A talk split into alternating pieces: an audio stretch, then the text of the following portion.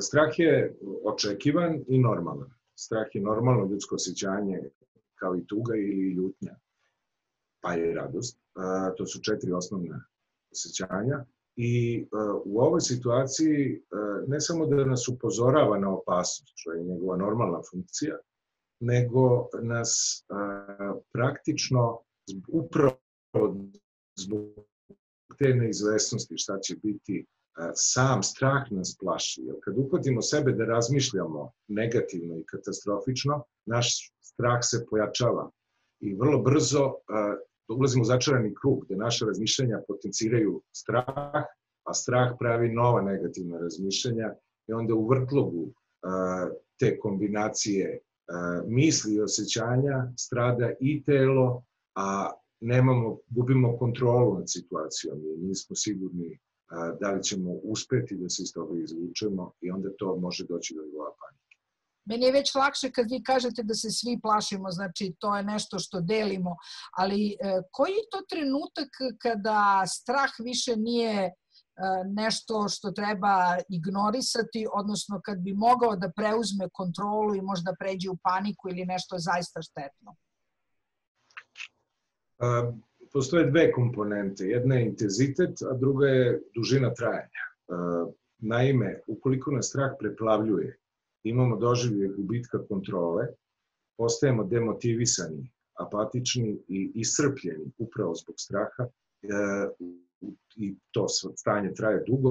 U tom slučaju strah prestaje da bude normalan i postaje patološki i onda se treba zabrinuti i praktično um, naći načina da ga zaustavimo, da ne bi došlo do panike. Sa druge strane, postoje dve vrste briga, one koje su realne, kao na primer sada su nam deca u kući, šta se dešava sa njima, ili da li imam dovoljno hrane u frižideru i šta će biti sa zalihama, ili je u pitanju neka vrsta katastrofičnog, neprikladnog straha koji govori o tome da mogu da se razbolim, da izgubim posao, da završim na respiratoru i sve su to katastrofični strahovi koji kada nas preplave, praktično nemamo kontrolu nad svojim životom. Stalnost uh, je najbolja preventiva neizvestnosti.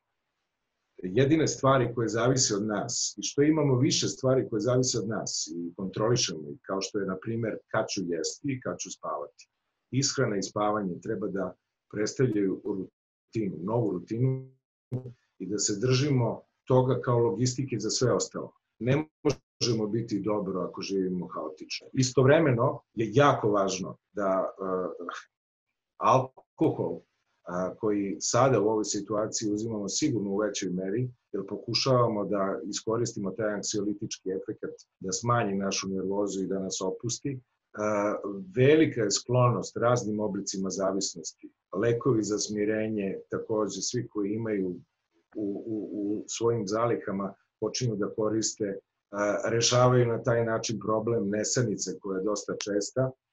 Ja sam uvijek bio za prirodni način, da se leže u isto vreme i da se primeni neka od tehnika kao što je 4, 7, 8. 4 sekunde udahnete na nos, 7 sekundi držite vazduh u sebi i 8 sekundi lagano izdišete na usta. Već posle drugog, trećeg ciklusa će doći do uspavljivanja, zato što se aktivira centar za san.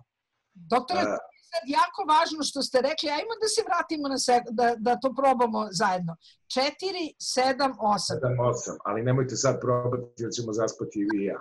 Da. A, tako da, da je jako dobro da znamo da takva tehnika postoji i da uspostavimo naviku odlaska u krevet u isto vreme.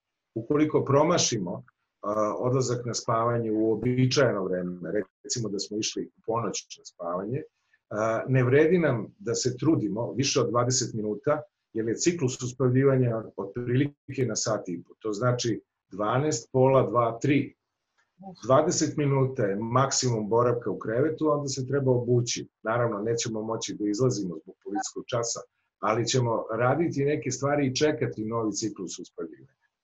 Takođe je važno da ne preturamo po mobilnom telefonu zato što plava svetlost sprečava mogućnost da zaspimo. Kompjuter, telefon, e, što dalje prilikom uspavljivanja. Takođe je važna umerena fizička aktivnost,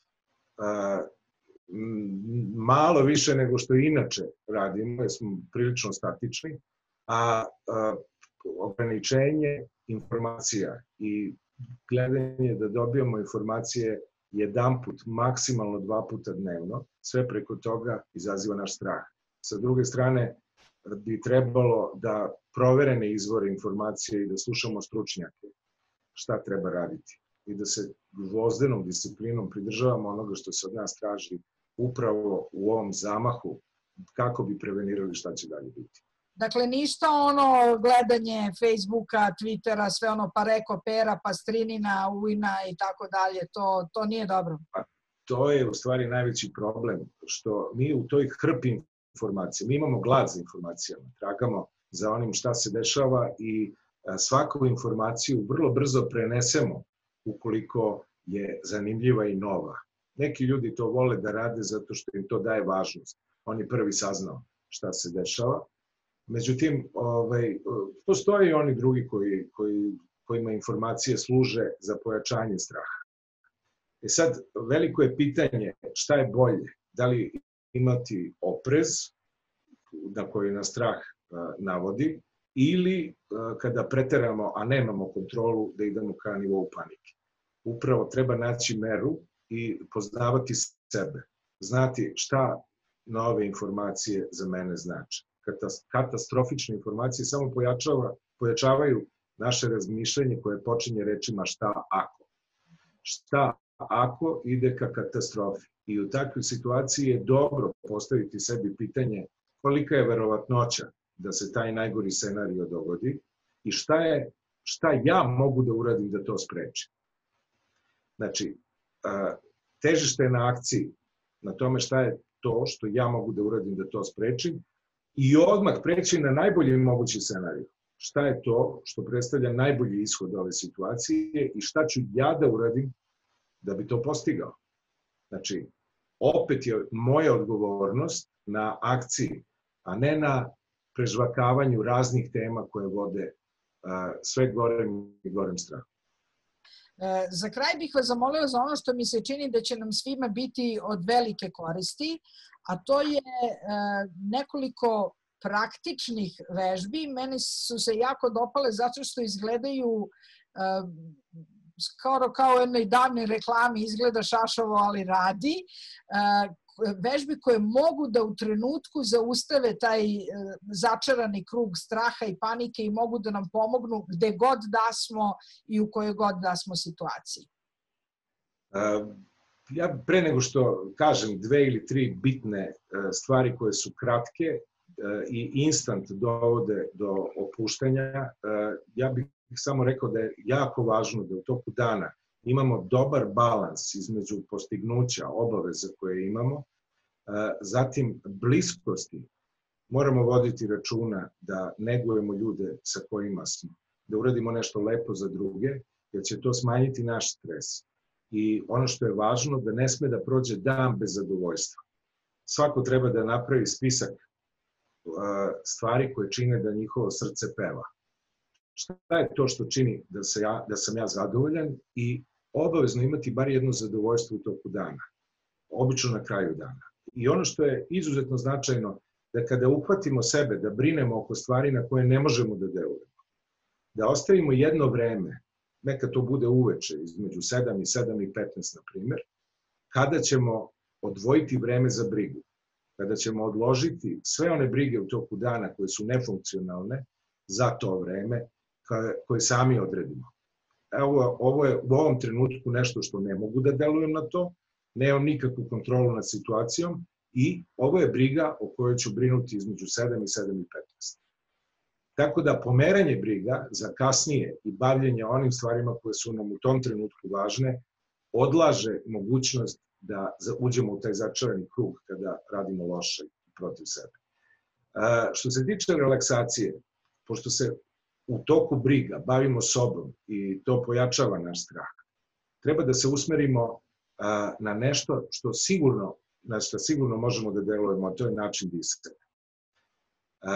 disanjem regulišemo i srčani rad i sve one hormone stresa, kortizol i sve ostalo što deluje loše na naš organizam. E, tako da obratimo pažnju na disanje. Jedan od dobrih, brzih načina u kome možemo da se smirimo e, primenom metode disanja je 4 sekunde udah na nos, pri čemu razmišljamo o nekoj lepoj boji koju sami izaberemo, sa zatvorenim očima to radimo. 4 sekunde držimo vazduh i tu lepu boju i 4 sekunde izdišemo na usta neku odvratnu boju.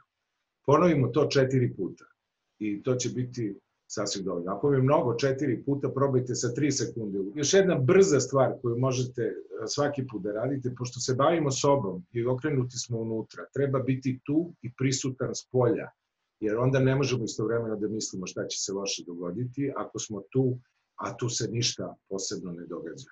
To znači da nabrojite pet stvari koje vidite. Uključit ćemo sva čula. Četiri stvari, četiri zvuka koje čujete, tu treba načuljiti uši i baviti se zvukovima. A, tri stvari koje mogu da dodirnem, to ide lako i smanjuje se broj. Dve stvari koje mogu da pomirišem, dva mirisa, pored mirisa benzina. I još jedan miris, i još jedan ukus stvari koje mogu da zamislim kako je ukusa. Ne treba probati, pogotovo sada preko maske, ali je jako važno da, da uključimo sva čula. Ko je u tom trenutku tu, taj ne može da ima istovremeno i ružne misle. To je brz način i krajnje jednostavan da se smirimo i opustimo.